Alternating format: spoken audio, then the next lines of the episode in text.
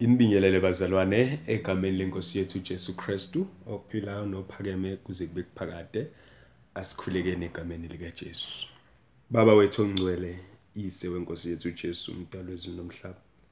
Kwaze kwayintokozo kithi inkosi uJesu ukuphinda sizwe silalele izwi lakho namhlanje. Buyise Nkosi yami ukukholwa kwethu, uqinise Nkosi yami ukholo lwethu. Usakhe Nkosi yami usifundise egameni lika Jesu Kristu waseNazaretha. Hlala nathi Nkosi yami usisize ukuba sikhuthazele okholweni ethembeni nasekukwazini sikuhloniphe sikuthande. Senze Nkosi yami intando yakho. Senze Nkosi yami njengalokhu siyala. Siyazithoba Nkosi yami phambi kwakho. Yebo Nkosi yami asikho ndawonye. Yebo Nkosi yami siqhelelene. Kodwa Nkosi yami ngiyathandaza ukuthi labo Nkosi yami abazovula balalele egameni lika Jesu Kristu waseNazaretha. Awuhlangabezane Nkosi yami nezidingo zabo. Lalele Nkosi yami ukunxusa kwabo. Lalele Nkosi yami ukukhuleka kwabo. Uphe Nkosi yami njengokufisa kwabo. Kodwa Nkosi yami ikakhulukazi okudumisa igama lakho ukunikeze abantwana bakho. Ngakho inkosi yami ntambama nje ngiyathandaza ukuthi izwi lanamhlanje malisivuselele malisakhe malisiqondise malisibuyise malisenze sikufune sikulangazelele sikukhonze sikukhothamele sikudumise njalo. Ngoba ufanele udumo nenkazimulo namandla nobukhosi phakama ke ngalesikhathi kuze kube kuphakade. Amen.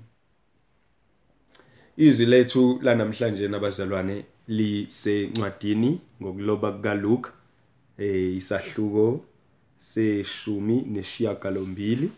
Sizoqala ukufunda indima yokuqala sime kwindima eh yeshiyagalombili eh ngokukaLuke chapter 18 verse 1 to verse 8 sizofunda ke bazalwane kufundeka kanje kuLuke chapter 18 verse 1 to verse 8 wabalandisa umfanekiso wokuthi bamelwe ukukhuleka njalo bangadangali wathi kwakukhona emzini othile umahluleli othile owayengamesabi uNkulunkulu. Enganaki umuntu kulowo muzi kwakukhona futhi umfelokazi owayelokhu efika kuye ethi ngizwele esitheni sami. Kwaba isikhathi engavumi kepha ngasemuva wathi phakathi kwakhe nakuba ngingamesabi uNkulunkulu nginganaki umuntu nokho ke ngokuba lo mfelokazi ungikhathaza njalo ngiyakumzwela funa angizuke ngokufika njalo njalo. Yayisithi inkosi izwani akusho okushiwo ngumahluleli ongalungile. uNkulunkulu kayikubazwela yini abakhethiweyo bakhe abakhala kuye imini nobusuku ababekezelele na? Ngithi kini uza kubazwela masinyane. Nokho nxa ifika indodana yomuntu imbala iyakufumana ukukholwa emhlabeni na?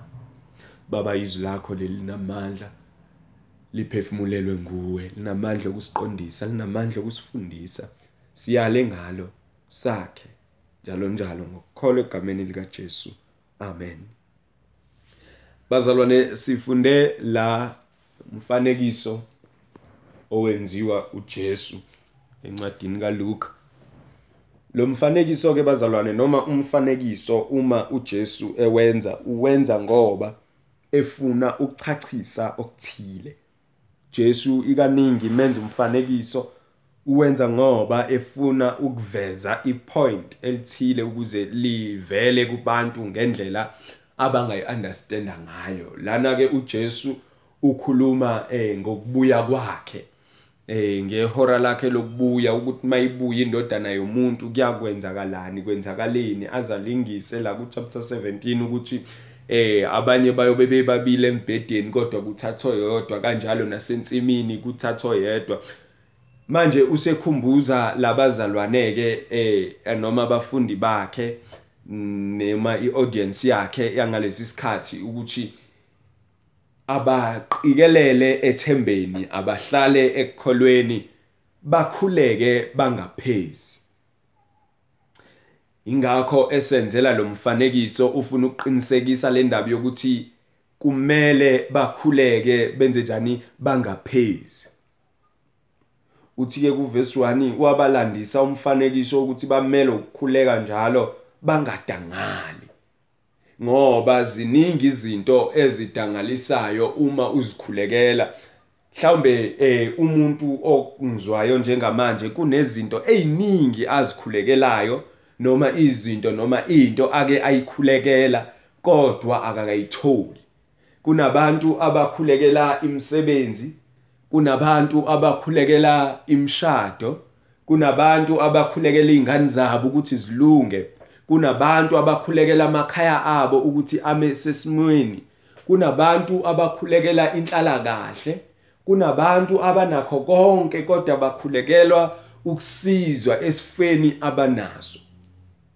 Manje ke uJesu lana kulabantu ukhuluma nabantu abazobe belihleli belindile ukubuya kwakhe.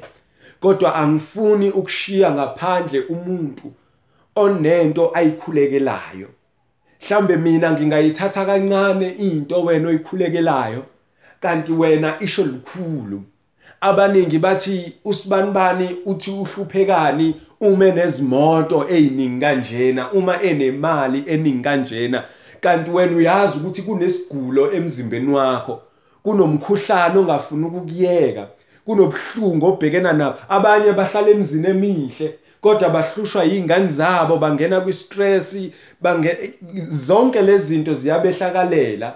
And bahlala bekhuleka njalo njalo ukuthi inkosi basize sebeze bayadikibala sebeze bayadangala sebeze bathi lokukhuleka kwami ingathi akungisizi kwakona. Ingathi inkosi ayingilalele ingathi inkosi ayifuni ukungisiza. Kodwa namhlanje ngizothi mina khuleka ungaphezi. Uma ufunda ku1 Thessalonians chapter 5 verse 17 lisho njalo izwi likaNkuluNkulu. Khulekani ningaphezi khuleka kuleso simo. Qhubeka ukukhulekele lokukhulekelayo. Qhubeka ukhuleke and inkosi izokuzwela. Ngobani na? Ngoba lisho njalo izwi. Akusho usibusiso ngcobo? Cha. Kodwa kusho izwi likaNkuluNkulu. Asilandeleni izwi ke bazalwane. Lithi iBhayibheli kwakukhona emzini othile umahluleli othile wayengemesabi uNkulunkulu enganaki umuntu kulowo muzi kwakukhona futhi umfelokwazi wayelokhu efika kuye ethi ngizwele esitheni sawo. Sivezelwa abantu ababili labazalwane umahluleli ijaji elisendaweni thizeni. Lithi iBhayibheli lo muntu lo wayenganaki umuntu ngamanye amazwi lo muntu wayenganamthetho. Lo muntu lo wayengenandaba ukuthi abantu bathini ngaye?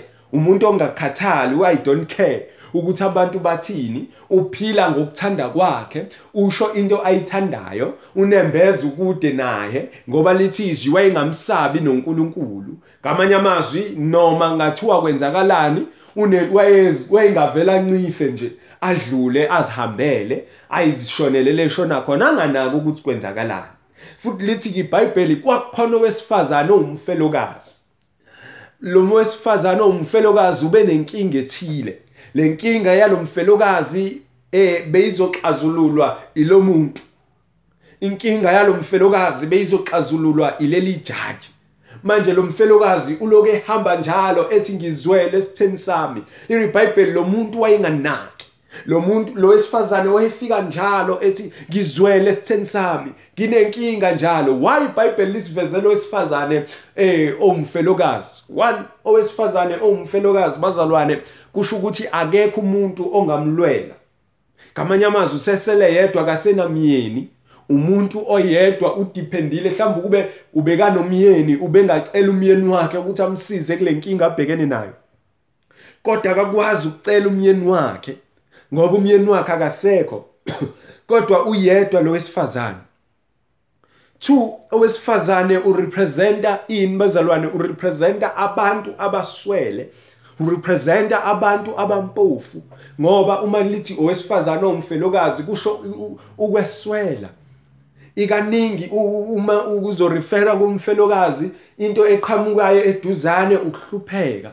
Into eqhamukayo ukweselwa isizungu ukuba wedwa umuntu ongena comfort umuntu ongenamuntu omnakekelayo. Ngamanye amazwi uma eya kuleli jaji ufuna umuntu ozomsiza umuntu ozoba nozwelo kulesimo abhekene naso. Kuyamangaza ke athe sefika kuleli jaji kanti uya kwijaji elingalungile.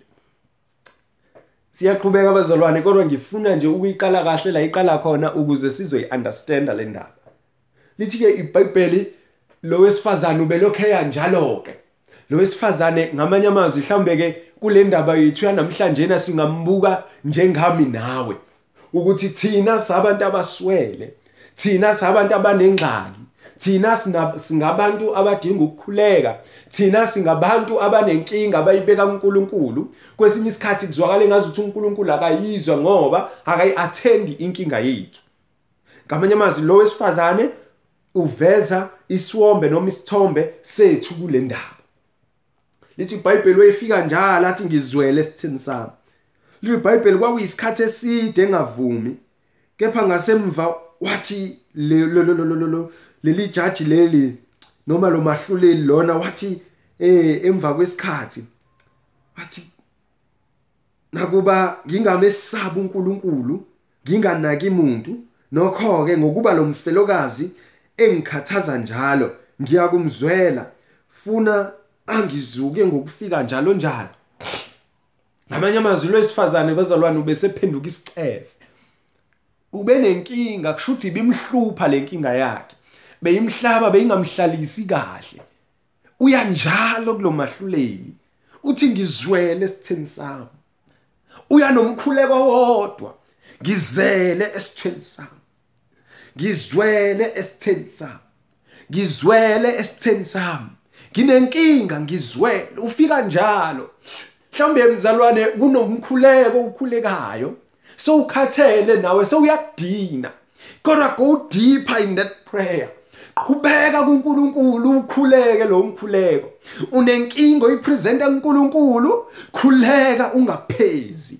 Kunento ekwahlulayo ofuna ukuyiletha kuNkulunkulu ukuze uthole usizo. Khuleka ungaphezi ungaphela amandla emkhulekweni khuleka njalo. Inkosi iza kuzwela leli bhayibheli le ndoda noma leli jaji noma lo mahluleli emva kwesikhathi eside wesifazane emhlupha ngiyathemba lo wesifazane naye ubeseya nje ngoba nakho le nkinga yakhe imhlupha. Kodwa unembeza wakhe bowusuthi hawu sengiba isidina kule ndoda. Kodwa lo wesifazane ubedriver mhlawumbe igole yodwa ukuthi noma ngathiwa ngiba isidina kulo muntu noma ngathiwa ngiba eh nengiso kuyena kodwa nginenkinga. Angeke ngiphumule inkinga yami ingakaxazululeki.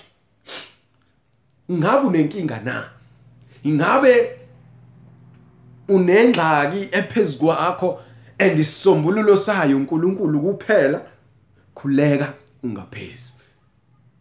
Khuleka ungaphezi. Ilokhu Jesu akuyala abafundi bakhe la ukuthi nina enikhethiweyo qhubekani nikhuleke. Hlala ethembeni khulekani ningaphezi. Lo myalezo enginawo namhlanje ukuthi nje khulekani ningaphelelwa yithemba yona leyo nkinga iza nayiyodwa injalo. Abantu sebekuhleka yamkhumbula yini? Uhana benophenina engabathola abantwana ehlushwa yilophenina ethi hayibo mina ngiyabathola abantwana wena ubatholi. Kodwa wathi mekhubeka wahlala entweni yakhe wathandaza. Kwaze kwaba umpriest ethempelini uthi hayibo uyozixhinxa ngewayini kuze kube yinini kodwa wahlala emkhulekweni uthi hayi nkosi yami ngingowesifazane odabukileyo angibathola abantwana ngifuna abantwana. Waziwenza isithembiso wathi inkosi uma unginikeza lo mntwana ngiyambeka ethempelini akhulele kuwe. And nebala walithola leso sicelo sakho uhana. Ngamanye amazwi-ke khulekani bangcwele. Khulekani ningaphezi ngizoniduduza ngizoninika isibindi ngizoninikeza imotivation ukuthi le nto loyikhulekelayo ungayeki ukuyikhulekela azabe uNkulunkulu uyayilungisa. Uthi uJesu ngelinye ilanga mebhala kuJohane uthi anikatholi lutho nje ingoba ningaceli. Mhlambe wena uyitshela ukuthi ucelile kanti indlela okhuleka ngayo akusiyona. Khuleka gxile enkosini. Uma uJesu efundisa ngomkhuleko usifundisa ngokuthi sikhuleke kuye siqale silethe izincomo simtshela ukuthi ungubani bese kuyikhathi silethe izicelo zethu uma siqeda lapho siyivale futhi ngani bazalwane ngesibongo. Njenganabantu abakwamukelayo lokho ngokukholwa. Uthi ke emva kwesikhathi eside engavumi wathi nakuba ngingamesabi uNkulunkulu.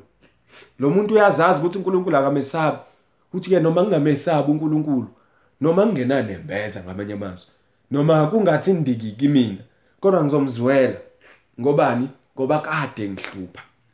Uthi ke uJesu kanjalo nobaba wethu osezulwini kanjalo noNkulunkulu.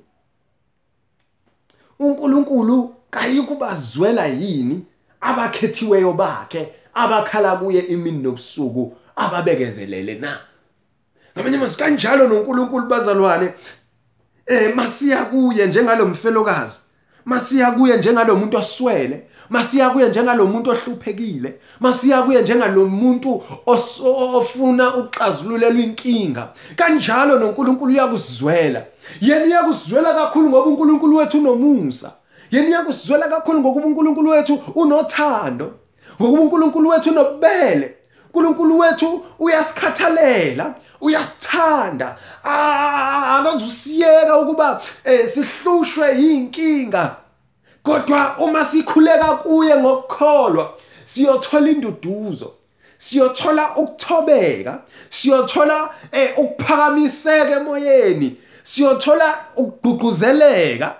Uma eh, sikholwa uNkulunkulu siya kuye ngumkhuleko sibika kuye konke siyothola isisombululo senkinga yonke esibhekene nayo ngoba emkhulekweni kukhona ukuthula Mm, akukho ukuthula kumnandi njengokuthula bokade uqeda ukuthandaza. Wokuzwe nje uthi uthandaza uzwe lo kuthula kuba nangazi ukuthi lento kade uyikhulekela iyenzeka khona manje. Bazalwane qhubekani ejuleni uyalalela. Aphendule. Khulekani ningaphezi. Azabeke lo mfanekiso nje uJesu ingoba ufuna ukuveza ukuthi eh uNkulunkulu unjani uza kusizwela uma sikhuleka kuye singaphezi. Sewudabukile sewuhluphekile iminyaka sewuyibikile inkinga yakhe iminyaka awusitholi isixozululo qhubeka. Qhubeka ungakhathali ungakhathali uzathi uJesu hey ngabe indodana yomuntu iyakukufica yini ukukholwa mayibuya ngoba abantu bamanje futhi nabo sebeyakhathala ukukhuleka. Bantu banamhlanje sebeyakhatha sebefike bayibike kanye indaba bathi mina ngikucelile ukuthi kodwa inkosi ayingenzelanga.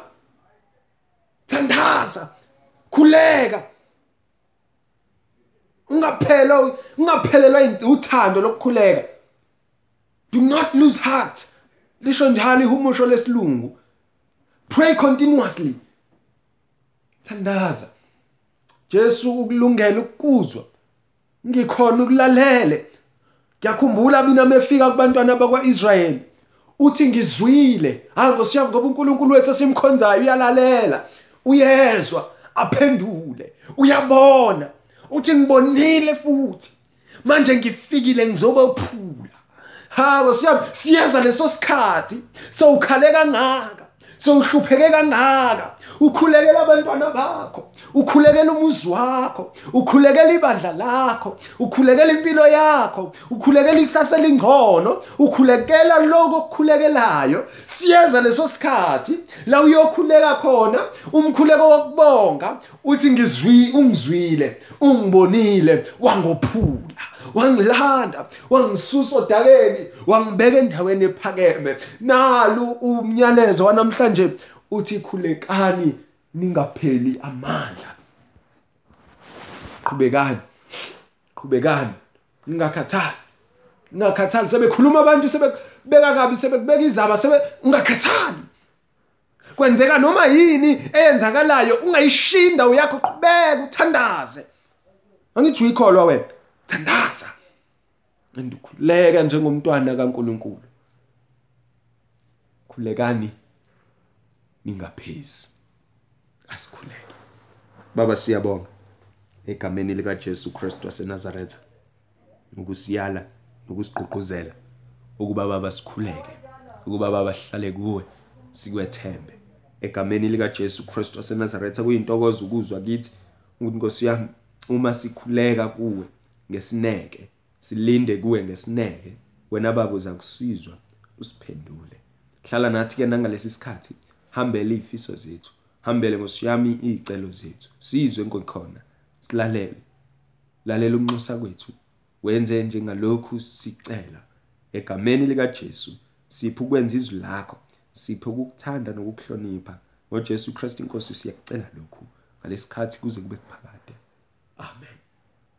Musa wenkosi yethu uJesu uthando lwaNkulunkulu Baba inhlanganyelo kaMoya oNgcwele makube nani nonke. Kunigcine kunilondoloze azafika uJesu Kristu inkosi yethu. Amen.